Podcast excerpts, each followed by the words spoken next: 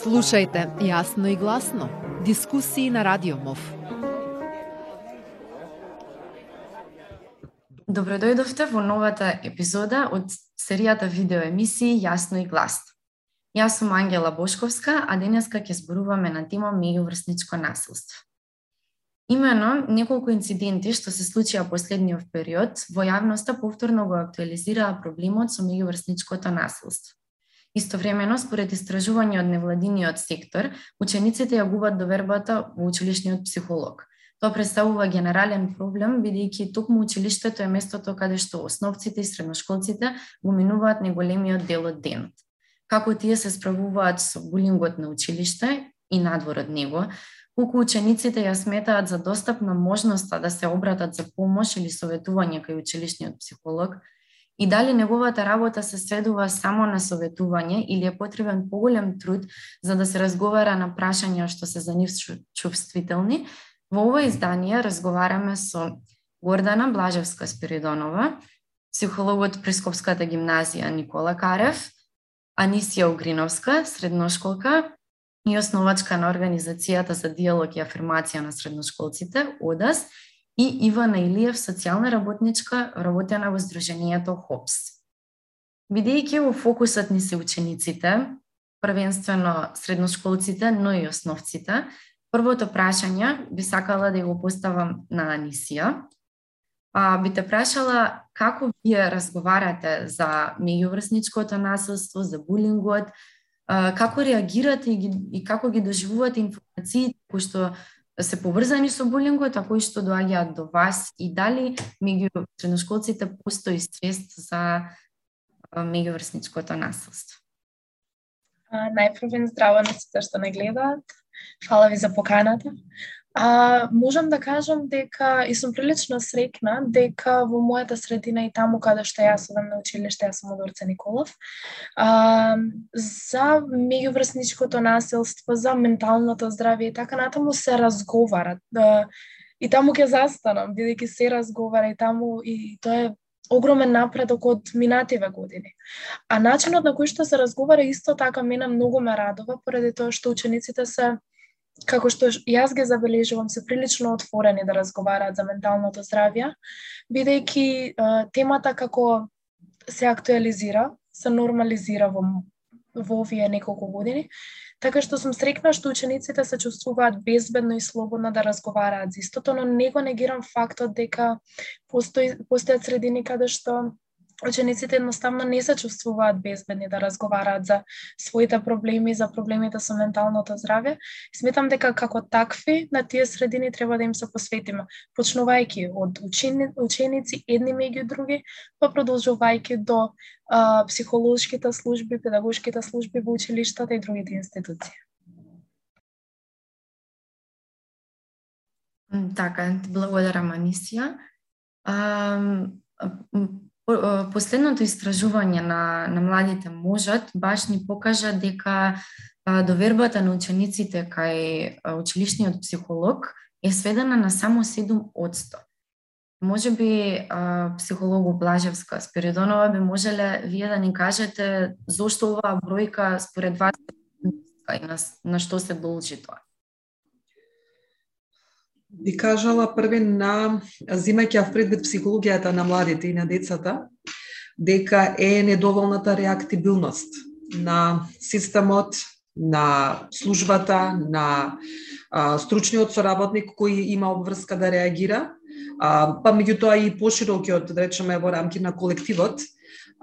децата, па и воопшто граѓаните на една заедница, во она мера ќе има доверба во тој дел од заедницата, кога е реактибилен и дава јасни сигнали, јасни пореки дека ќе реагира на проблемите и потешкотиите кои ги има.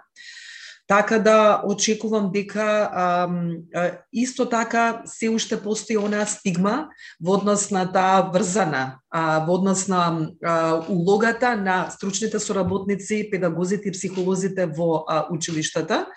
да кај мене кога доаѓаат деца од основни училишта, се уште доаѓаат со она очекување дека ако одиш ке психолог е дека си ненормален или дека нешто ти фали или дека ич не те бива за учење и дека правиш проблеми. Значи, јас и кога дојдов да работам еве во Никола Карев, постоева многу јасни очекувања дека за кај мене и мене ми улогата да ги карам децата кога има проблеми, не знам потешко тие проблеми имаат на часовите нешто што многу упорно работев да препознаа дека е вратата отворена за децата во секое време, дека не мора ниту да чукнат, дека овде ако е детето вознемирено може и да опцуе, а, дека нема да се цензурираат многу различни негови нивни видови на однесување, туку ќе бидеме фокусирани на потребите во моментот на а, детето. Така да, кога опфаќа било каква ситуација, значи тоа се за сето она што Анисија веќе го спомена во однос на менталното здравје и психолошките и други видови на потреби на а, децата. Така да, јас можам да кажам дека бара огромна работа и посветеност, па и соочување на стручните соработници, особено со психол, на психолозите, со колективот во однос на очекувањата на останатите возрастни за тоа што сметаат каква ни е нашата улога и постои разлика во однос на тоа какви се очекувањата на децата, очекувањата на наставниците, очекувањата на класните раководители и во сето тоа ја верувам дека од средина од една до друга во училишна средина се создават многу различни комбинации, помалку или повеќе успешни, така да верувам дека и тој било кој училишен психолог, Психолог дали е во основно или средно училиште, мора да се избори за да биде препознаен во средината како безбедно место каде што може детето да се обрати. Тоа е првата ставка која што ние ја праќаме како порака и се обидуваме да ја пратиме до децата. Во однос кога се работи за а, насилството, а, мораме мора да има реактивност. Мора да има реактивност што ние се трудиме во нашето училиште секој пат кога ќе се пожали дете или ќе се пожали родител или ќе посочи предметен наставник или класен раководител дека имаме ситуација со нарушена безбедност на детето. Јас можам да кажам дека во секоја ситуација максимално напорно, напор сум се трудела да реагирам и тоа реагираме со многу различни а, стратегии на реакција. Некои се подискретни, некои се поочигледни, некои се решаваат во разговор и медиација во рамки на стручната служба да се помогне да се надмине конфликтот меѓу децата или да се помогне на дете кое се нашло во улога на жртва која трпи одредено насилство или да се решава во соработка со родители, да се вклучат предметни наставници или класни раководители, па некогаш и наставнички совет со изрекување на а, педагошки мерки. Како училиште се трудиме да пратиме многу јасна порака до учениците и возрастните дека имаме јасна политика на нулта толеранција кон насилството и велам дека не е едно на кој начин училиштето ја праќа. Менаџментот и колективот ја праќа оваа порака до децата. Јас поминала низ многу различни фази и едноставно практиката ми покажа дека нешто што беше успешно е што јас влегувам во прва година, да речеме, во сите паралелки во прва година, со работилници за ненасилство, за форми на насилство, улогите во кругот на насилство, како влие на менталното здравје,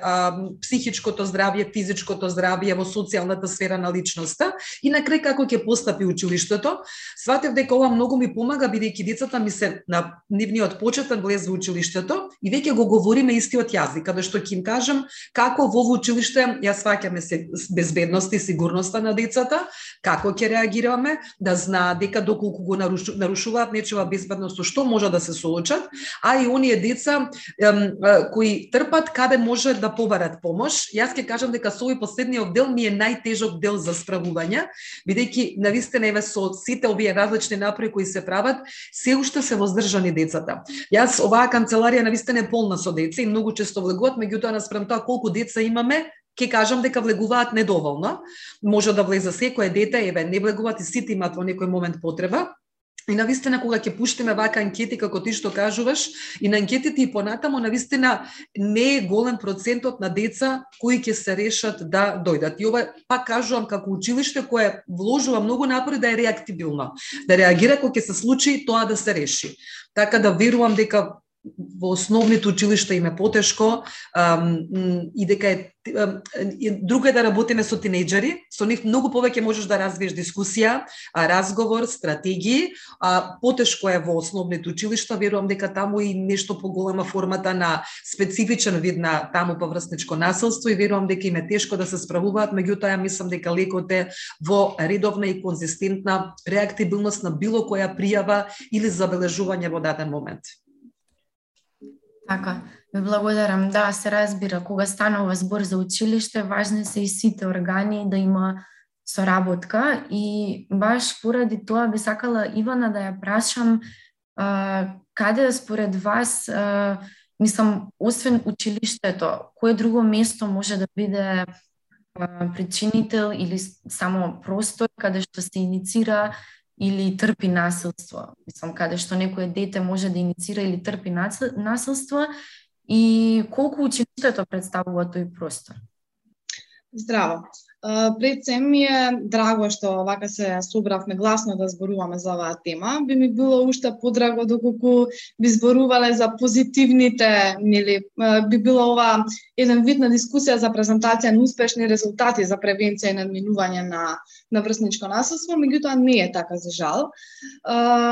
Во врска со вашето прашање, сакам да кажам дека многу често забораваме дека училиштето пред се е воспитна образовна институција, каде што во последно време сметам дека се става повеќе акцент на образовната, а, нели, образовниот дел и некако тој воспитниот го занемаруваме, кој што е а, може проследен од нели од повеќе аспекти зошто е тоа така. Покрај училиштето а, треба да се обрне исто така внимание и на околината во која што децата се движат овие нови генерации, мислам, и од многу мали децата се обколени со технологии, со телефони и така натака, со што не го занемарува фактот, односно и те како има и многу големо сајбер насилство, кое што за жал нашата држава и не така многу успешно го нели некако се справува со истото, со што може и тоа сајбер насилство да биде извршено од страна исто така на соученици или на врсници или пак полошо на многу повозрастни луѓе кои што даваат недолични коментари на деца, на пример, или на загрозена категорија на луѓе, обично на жени и така натака. И а, исто така би се надоврзала со коментарот со господја Гордана. А, мене стварно ми е жал и покрај сите напори што вие ги правите, велите дека нема нели никаков значителен резултат. Може би тоа би го препишала за долгогодишната недоверба страна на, на, на институциите како институција, како како училиште пред се и сметам дека немаат некако конкретни решенија. Ова го говорам од страна на целата група која што со која што работам јас, значи со маргинализирана заедница на луѓе, чии деца замислете како му е на едно дете, кое што е дете од семејство од социјален ризик, нема апсолутно никакви финансиски средства и доаѓа во училиште, дали во основно или во средно, каде што најбитно е материјалното за жал нема нови патики, нема нов телефон, нема нов часовник, приборот за училишта му е катастрофа, затоа што му е поземен, затоа што му е братче, сестрече и така натака. И тоа дете и да сака да се обрати, некако нема, од сите страни е некако цело време шиканирано. И кога ќе сака да се обрати, многу, многу а, стручни лица од тоа училиште, некои го занемаруваат, некои кои ќе го видат ќе си направат муавет, а, меѓутоа мислам дека не се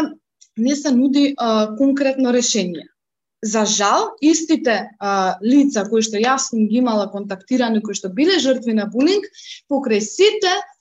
чекори што ги надминувале, односно што ги поминувале за пријавување и така на за алармирање на булинг, за врсничко насилство, не дошле до никакви соодветни решенија, напротив се направила двојна виктимизација и а, се уште се жртви на на булинг. Така што мислам дека цел, целиот овој проблем е системски. Не можеме само нели да зборуваме дека се криви училиштата, тука се а, и системот, и соседството, и пријателите, и роднините, и се се опфатно. Така, тоа е баш и, и фокусот на, на оваа дискусија, значи да препознаваме проблемот. И баш тука би се навратила на, на она што го кажа психологот Гордана дека а, се уште постои тоа табу дека одењето кај училишен психолог е само за одредена група на ученици, Па, вака од гледна точка на ученик и средношколка би ја прашала Анисија, што според тебе треба да се направи за посетата на училишниот психолог да престане да биде толку на начин да кажеме недостапна кога е достапна и отворена за сите ученици еднакво? Па, за да биде подостапен психологот, прво би рекла дека целата таа администрација што паѓа на грбот на психологот, школската администрација треба да им се тргне од рамена, односно цела она администрација која што а, не е работа на психолог да не ги обтоварува за да може да се посветат на учениците. Секако а, тука треба да се да се не да се опоменат, дефинитивно да им се кажа на учениците и да им се покаже дека психологот, како што кажав, како што кажавме до сега, не е некој од кој што треба да се плашиме, туку некој со кој што можеме да соработуваме и некој кој што едноставно во моментот во институцијата во која што поминуваме неколку сати секој ден, 4 години, дека е тука за да помогне. Од друга страна би рекла дека а, можат да се прават работилници и да се прават а, обуки на, на самите ученици, а и на психолозите, за паралелно да се развиваат. Како што се развиваат и изголемуваат потребите на учениците, така да се развиваат и изголемуваат способностите на психолозите да одговорат на потребите на учениците. А, секако учениците во тој период, а, како средношколци, како тинејџери сме, можам да кажам, прилично осетливи и дека им, и има голем број на теми кои што не тангираат и за кои што ние едноставно би сакале да зборуваме со возрасен, а во многу случаи тој возрасен ни единствен возрасен до кој што имаме таков пристап и до кој што би требало во кој што би требало да имаме доверба е психологот. Така што сметам дека голем број психолози разбираат а, каква голема должност имаат во школите, школите и колку а, благородна работа е тоа да се работи со средношколци. Така што, да, за да се приближи работата на психолозите до учениците и да се зголеми пристапот, сметам дека да, треба да се образуваат средношколците, односно да се подучат за што ќе добијат доколку одат на психолог, да се тргне стигмата околу одењето на психолог и да се ослободат психолозите од непотребна административна работа, како би можеле да им се посветат повеќе на учениците. Да. Мислам дека се согласуваме тука, ќе се согласи и нашиот психолог присутен на дискусијата. И баш ти го а, кажем начина ова прашање кое што сакав да го упатам сега до а, господја Гордана, во однос на тоа а, кои се најчувствителни за учениците според вашето искуство и ми додала тука бидејќи Ивана веќе спомена дека просторот е исто така простор каде што учениците претрпуваат булинг. Дали и колку се отворени да разговараат токму за сајбербулингот со вас кога доаѓаат на посета? А, прво едно мало појаснување во однос на предходниот разговор, да гледам дека може би не сум била правилно разбрана, не мислам дека ни се мали и ниски резултатите. Она за што реков е дека е мал процентот на ученици кои ќе се охрабра да дојдат да се пожалат, иако некои деца многу отворено се жалат. Во една ситуација имавме едно дете, ми се чини повторно, само дали беше за Радио Слободна Европа или Сомов, многу отворено кажа, тоа не беше дете исто така вклучено во конфликт, на тој начин го запознав и беше повикан, баш го понудив за интервјуто и тој најубаво говореше за тој кодекс на молк што го има меѓу децата, дека ова е наша работа и треба да се решува. Тој некое правило што они меѓу себе не пишано правило си го имаат. Дека тоа, ако ние возрастните разбереме, ќе дигнеме галама за тоа. Мене и возрастните ми кажа кажал, еј, тебе ако ти кажам ти ќе дигнеш галама, они така тоа го викаат дигање галама, уствари процедурата која што си ја правиш за да ја обезбедиш соодветната заштита. И детето најубаво тоа го направи а, а, кога отворено рече ако него не му е срам, вика мене да ме малтретира, зошто да ми е мене срам јас да се да пријавам и да се грижам за себе. Јас само велам дека би сакала многу деца да имаат ваква храброст, отворено да се пожалат и отворено да отидат и да бараат помош. Проблемот е кога го прават ова, а не се реагира во ваквите ситуации. Децата тогаш ја губат довербата. И на вистина, додека од, од, од градинка, од улица, во како што рече господјат Иван Илиев, а, на улица каде што не се безбедни, додека да дојдат до средно училиште, тие на вистина веќе развила една зажал здрава што се вика недоверба кон реактибилноста на а, системите. Е сега, во однос на а, и јас сметам сметам дека треба да се колку е можно повеќе достапни а, психолозите до децата. На вистина сме сме оптоварени со а, абсурдни форми на административна работа, меѓутоа и на вистина последниве години за се поголеми а, очекувањата на институциите во однос на од а, стручните соработници оние услуги кои треба да ги обезбедат по различни нивоа и различни теми и на вистина до одредена мера се вложува во капацитетите на а, стручните соработници, особено психолозите да реагираат и да одговараат на а, овие потреби. И сосема се согласувам со Анисија дека треба не треба да остане во канцеларијата затворен училишниот психолог и педагог, туку треба да е во училница со децата, да се реализираат работилници, да се отвараат дискусии, да се одвараат тешки теми И еве сега веќе на тоа како разговараат децата на овие теми, од искуството со деца од а, сите четири различни години, па дури од прва година, еве ќе ви кажам дека децата многу коректно и многу отворено говорат за овие теми. Интересно, па и еве за сајбер насилството, а, го говорат, да речеме, групно, кога тоа го, а, кога го препознаваат, кога го дискутираме, или тогаш кога ќе се решат да се пожалат и да а, реагираат ја би кажала дека колку поотворено ние признаваме дека имаме проблем, дека ние со, без оглед колку реагираме, насилството меѓу децата, односно насилниот квалитет на односот меѓу децата нема да се запре. Тоа е дел од нашата човечка природа. Ние во одреден момент така да комуницираме меѓу себе кога ни се загрозени потребите или ќе се вклучат други потреби. Оно што е важно да ги дискутираме овие тешки теми со децата и да отвараме простор дека на ова ќе се реагира. Ја од моето искуство знам дека колку повеќе отворено зборуваме дека имаме проблеми, толку децата се послободни да се пожалат за истите. Меѓутоа дека мене под радарот да речам ќе ми, ми сите деца сум ги препознала, ќе поминат јас верувам многу деца. Затоа велам тој дел некако јас го чувствувам дека ми е најголем проблем да а, обезбедам секое дете кое трпело некоја форма на насилство да дојде и да се пожали и се надевам дека немаме такви деца. А ова со интернет насилството ја сосема се согласувам дека законите во Македонија не ни помагаат во решавањето на многу вакви ситуации. Голем дел, некогаш законите а, и членовите кои ги содржат се противат, се во а, конфликт едни со други и тие оневозможуваат некогаш им а, соодветен план на подршка да изработиш на примарно, секундарно, терцијарно ниво за да ја дадеш соодветната подршка да речеме на а, тоа дете или пак едноставно нема еве на пример кога се работи за сајбербулингот како да дојдеш а, да постојат, а, да ние да имаме институција име на кој во, во било кој момент да му се јавиме, ќе може да се открие кој е, а, да речеме, а, насилникот, кој ја прави, а, да речеме, постапката и како да се пружи соодветна заштита, освен оние превентивни, внимавај кому го даваш својот профил, примавај кому го... А, значи, испаѓа така дека целата одговорност е на жртвата, мислам, целата ситуација со јавна соба ни кажа каква ни е јавноста каде го препознал, каде го гледа проблемот.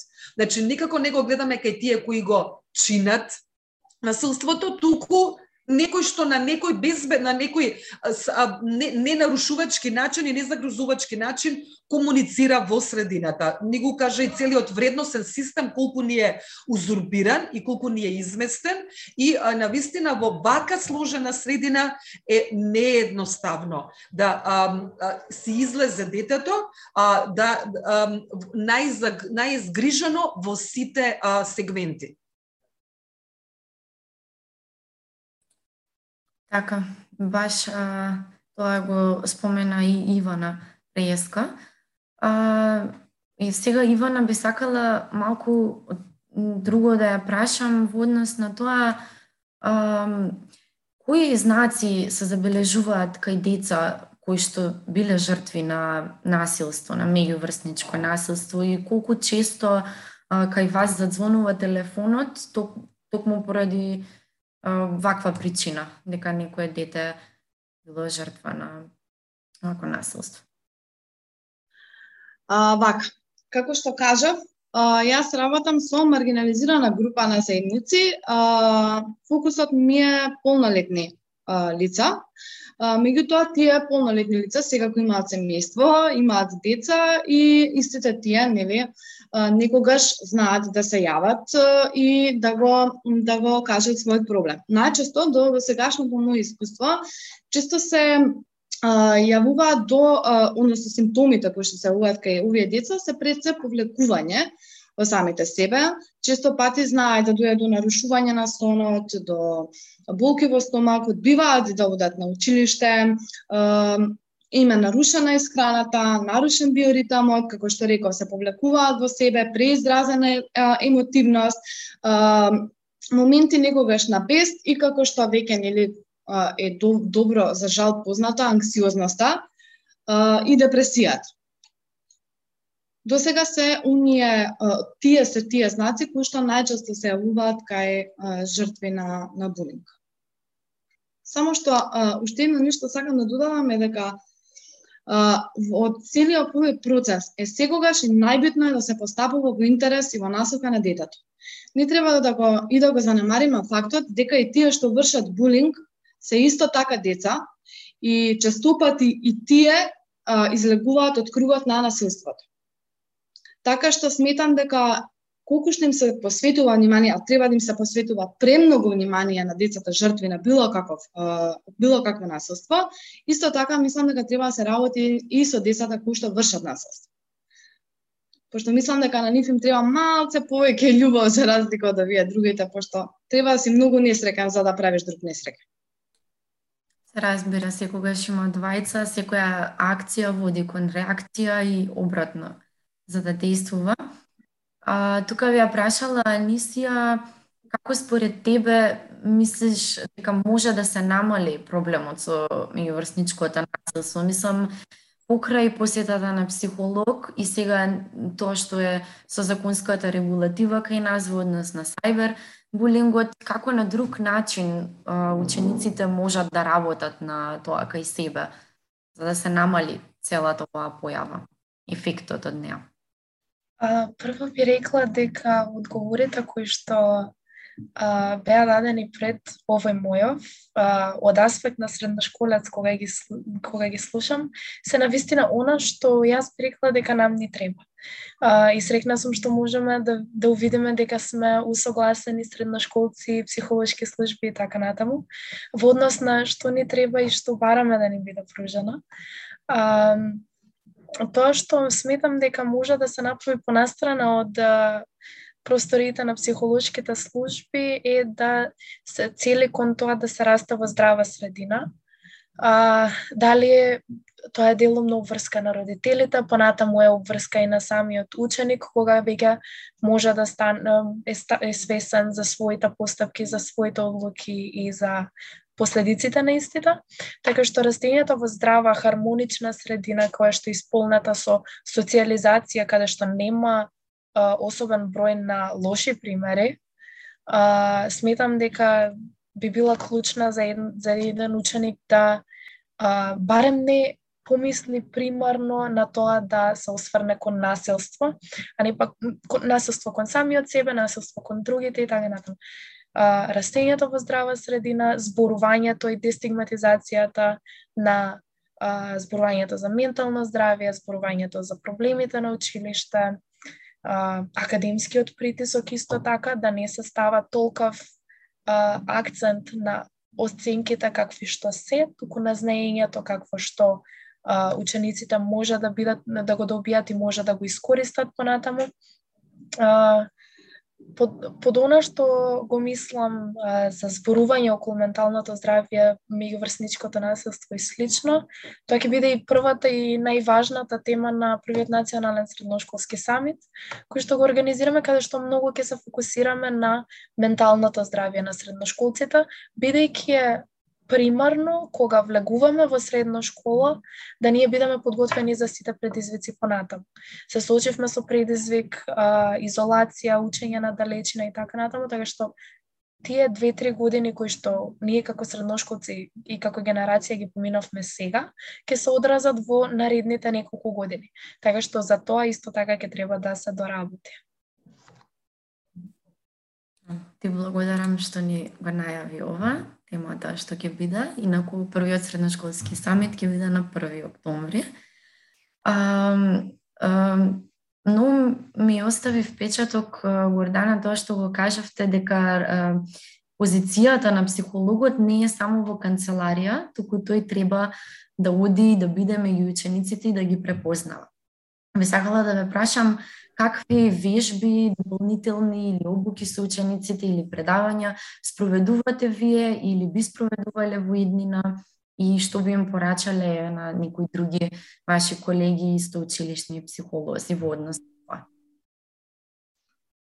Она што со децата треба да се работи и нешто што ја и го сум го планирала зимнина сега што последниве години сум го забележала како а, растечка потреба во однос на предизвици кои се поставуваат пред младите луѓе, се да речеме токму овие работилници за личен раст и развој, работилници за јакнење на социјалните вештини, а, некако не подеднакво од секоја младо човече се снаоѓа во рамки на својата социјална група со оние социјални вештини кои ги имал можност да ги развие, а може и да немал баш најсоодветни услови, истото да го направи да речеме во основно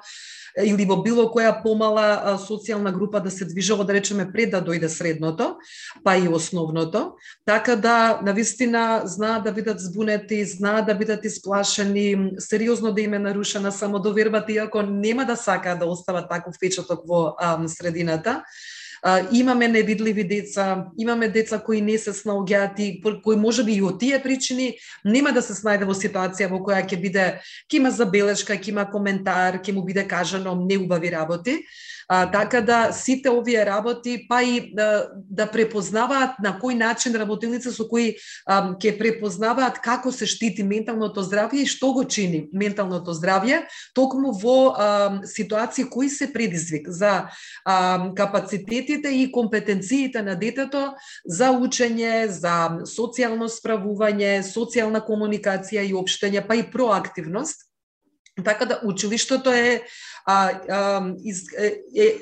единствена институција од овој тип која може да понуди огромен број на вакви услуги. Ја споменавме едукативната од а, а, Ивана, едукативната, меѓутоа тука и образовната што некако се провлекува, иако недоволно системски организирано и осмислено, меѓутоа има голем голем број во наставни активности, голем број на проекти кои во кои не мора да е вклучен училишниот психолог или педагог. И, и он што ќе кажам што ќе се лоцира како проблем и како таков се влегува во паралелката и за истиот се разговара во дадено оделение или паралелка и да се ам, со што ќе се вежба оваа вештина на децата критички да размислуваат, ам, да бараат прашања, да поставуваат прашања, да бараат одговори, да бараат одговорност од возрастните и од од средината, да бараат ресурси каде може да се наоѓаат одговор на различните проблеми кои што ги имаат, едноставно да ја стават средината на возрастните да реагираат и да бараат решенија, да не се плашат. Ке кажам, али и ова, еве на пример, младенскиот образовен форум, мислам фантастично работа да речеме создаваат вакви можности ке младите луѓе, да еве и ваква проактивност која Анисија предходно ја спомена со нивното средношколско а, здружение да се проактивно активни, иницијативни, да созда, отвараат нови патишта кои ќе ги инспирираат другите млади луѓе, а психологот еве да се ја најде тука улогата во целиот тој процес, па и со реализација може би на нек повеќе месечни, да речеме проекти, каде што ќе се јакнат овие капацитети и кај младите преку врсничка медијација или врсничка едукација исто да може да даваат подршка на младите. Така, ви благодарам многу. Училиштето како најсеопфатна институција која што ги нуди овие можности и дефинитивно влијателна во животот на сите ученици, може да произведе услови за нив за да се подобри овој проблем покрај тоа споменавме здравата животна средина ни е влијателна, регулирање на законите во однос на сајбер насилството, но што уште друго може државата да произведе, да обезбеди за училиштата, но и општо средината да биде побезбедна за менталното здравје кај младите. Ова би го патила до Ивана. Значи, пред да одговорам конкретно на прашањето, сакам само да кажам дека низ разговорите цело време како а, да им се препишува одговорноста само на а, психолозите во училиштата.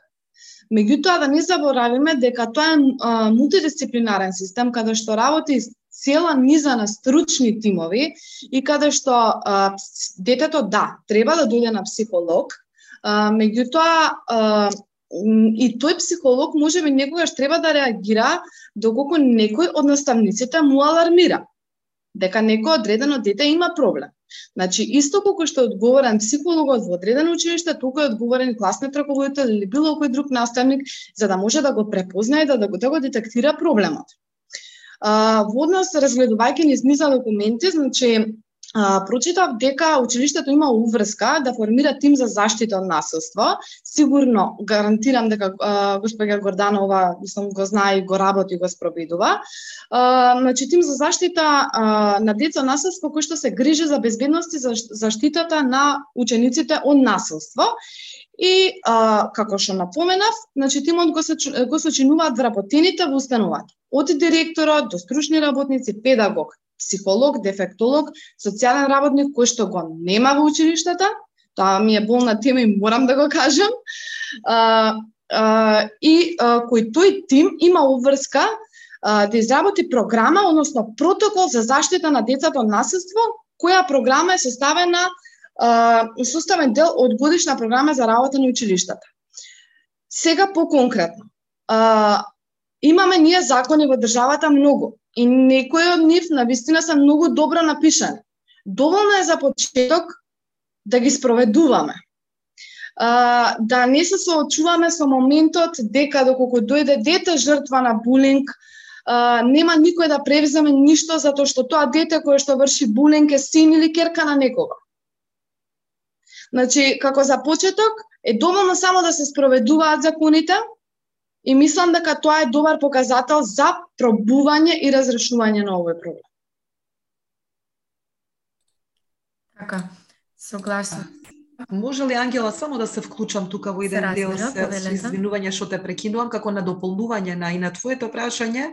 и Ивана сега што а, говореше, она што ни недостига кај нас како држава е а, посистемска и поорганизирана национална програма за грижа за менталното здравје на младите, препознавај на ниво на умрежаност на институциите, а, по соодветна и по системска соработка, по а, а, по суштинска соработка на да речеме на институциите. Ние колку пати ако не можеме некој проблем да го решиме, јас немам чувство дека не можам, нека ми се несправливи проблемите кои тука ќе се ќе се случат. А, меѓутоа ни се мале мали ни се надлежностите и не можеме секогаш да делуваме во секоја средина која е надвор од училиштето. Она упатство кое влезе со во законот за основно образование сега со новата концепција и која беше доставено до основните училишта до средните училишта се уште не е стигнато, кое се состои од 60 на страни и во кое а, вели дека а, доколку а, учи, а, дете или родител а, упати а, поплака и забелешка до училиштето дека трпи некоја форма на насилство, а училиштето и директорот не реагира, дури има и парична казна. Да речеме за училиштето ако ова не не реагира на ова, е еден еве како што вика Иван едно добро а, укажување од страна на државата, да, го ја препознаваме важноста за безбедноста на децата, и сме креирале а, некој подзаконски акт, акт кој а, ќе го подржи овој процес. Меѓутоа, еве видете, а, оној немил настан што ни се случи во едно средно училиште со дете кое си го одзема животот, имаме ли ние статистики? А, а, колку често се случува ова, во каква состојба не се младите. А, сите статистики, јас имам, јас немам достапност, ако има статистики, јас немам достапност до истите. Морам многу да копам и да барам, може би на веб страните на, на а, невладените организации, за да можам да дојдам до некакви податоци. Овие податоци ни недостига на поврзаност на се ова. Умрежаност, да ние да знае точно да има јавни телефони кај што може детето да се обрати, каде што јас во секое време има на кое лице може да се обратам, каде во која институција ние а, можеме да и да е таа помош брза, да е таа помош поедноставена наместо усложната. А, така да верувам дека голем дел од проблемите може да се решаваат и се решаваат, а некои се усложнати и нас тука доволно ние, ај ние во училиштето се грижиме за тоа. Во малото може би родителите, ами децата кога ни се во парк, децата кога ни се во улица, на улица на вечер да искачање или кога јадат и се извинувам ќотек во а, автобуски а, јавните превози, кој се грижи за нивната безбедност? Мене дете ми кажа ситуација, ние многу баво соработуваме со а, Министерството за внатрешни работи, особено со оделението за превенција од малолетничка деликвенција има фантастични луѓе кои многу инспирирано и предано работат на овие проблеми. Меѓутоа во една ситуација мене ми кажа раскажа дете проблем каде што ведно од нашите сендвичари тука во близина четири деца напаѓаат едно дете. И детево од страна веднаш се прави нели тоа гужва, па тоа се гледа, па се снима, има многу несоодветни реакции. Едното дете кое се обидало да се вклучи и да помогне да ги раздели, рака почувствувало на грбот позади него и видело дека позади стојат две полициски лица и му вика остави да завршат. Значи, сега ние тоа е една институција која може да ги заштити децата надвор, а ние еве и тие имаат потешкоти да собере деца, да го врати. Дали тие деца треба да бидат дома после малолетни, после одреден број на ча, ноќни часови? Дали ние контролираме дали консумираат алкохол, или контролираме ли ние дали консумираат други психоактивни субстанци? Како се брани ова? Ние ќе развиваме превентивни програми и ќе говориме во училиштата да еве на мене ми кажат, ама знаеш Гурде, што и да ни кажеш за другите, ја ако сакам да зимам, ќе зимам. Значи, а, дефинитивно системски приот настане достига национал национална програма, почнувајќи од какви информации имаме, колку сме умрежени, колку ни се редовни ние имаме проекти, па тие се еднаш годишно или еднаш на три години или еднаш на четири години, тоа колку е проактивно училиштето и колку ќе или колку ќе стигне даден проект, проект во даден училиште. И еве сама самите посочивте дека во едни училишта се реагира поредовно, во други училишти училишта веќе не и нас не се младите тука колатерална штети испаѓа се кој е одговорен и колку згрижена категорија на граѓани нас ни се младите. Така да е навистина и голем и комплексен еве проблемот како надополнување. Да, системскиот системското решение токму и поради тоа му поставив ова прашање. А, мене ми беше многу мило што успеавме да продискутираме на оваа тема. А, тука некаде веќе доаѓа крајот на оваа епизода од нашата емисија. Доколку имате нешто да додадете слободно, доколку не, тогаш ви благодарам што се согласивте да учествувате, ви благодарам за вашите ставови и ви благодарам на вам што не следевте до крајот на нашата епизода и се гледаме следниот пат. Јас само еве би ги поздравила вашите гледачи и нашите гледачи во оваа ситуација, и гостинките Анисија и uh, Ивана и секако Ангела што еве беше инспирирана да работи на оваа тема и еве една порака до младите луѓе да се жалат, да бараат подршка, да бараат помош, да се бунаат, да се бунтуваат, да бидат проактивни, да си помогнат на себе и да бараат решение за подобра, еве добро состојба на нивните на нивната возраст. Благодарам. Поздрав за емисијата. Јас Поздрав. исто така би сакала на моите соученици да им порачам дека кога и да има проблем, нема, не се сами, дека секогаш има некој кој што ќе ги сослуша, дека секогаш ќе има некој кој што ќе биде таму за нив, дури и тоа да е нивен соученик, дури и тоа да е психологот, дури и тоа да е родителот, така што не се сами и едноставно секој проблем ќе може да биде решен. Благодарам, Манисија. Поздрав и од мене. А, поздрав до вас, ви благодарам. Ми беше навистина драго што што разговаравме. А, моја препорака е дека нема погрешно мислење, дека не е битно колку пати ќе станете во животот, него колку, колку пати ќе паднете, туку колку пати ќе станете во животот и не е срамота да се прашува, не е срамота да си жртва, а, да пријавуваат, да се охрабруваат и да бидат се, се со цел да бидат подобри утре. Ви благодарам. Ви благодарам на вам. Благодарам. Поздрав до сите. Поздрав. Јатно. Слушајте јасно и гласно. Дискусии на Радио МОВ.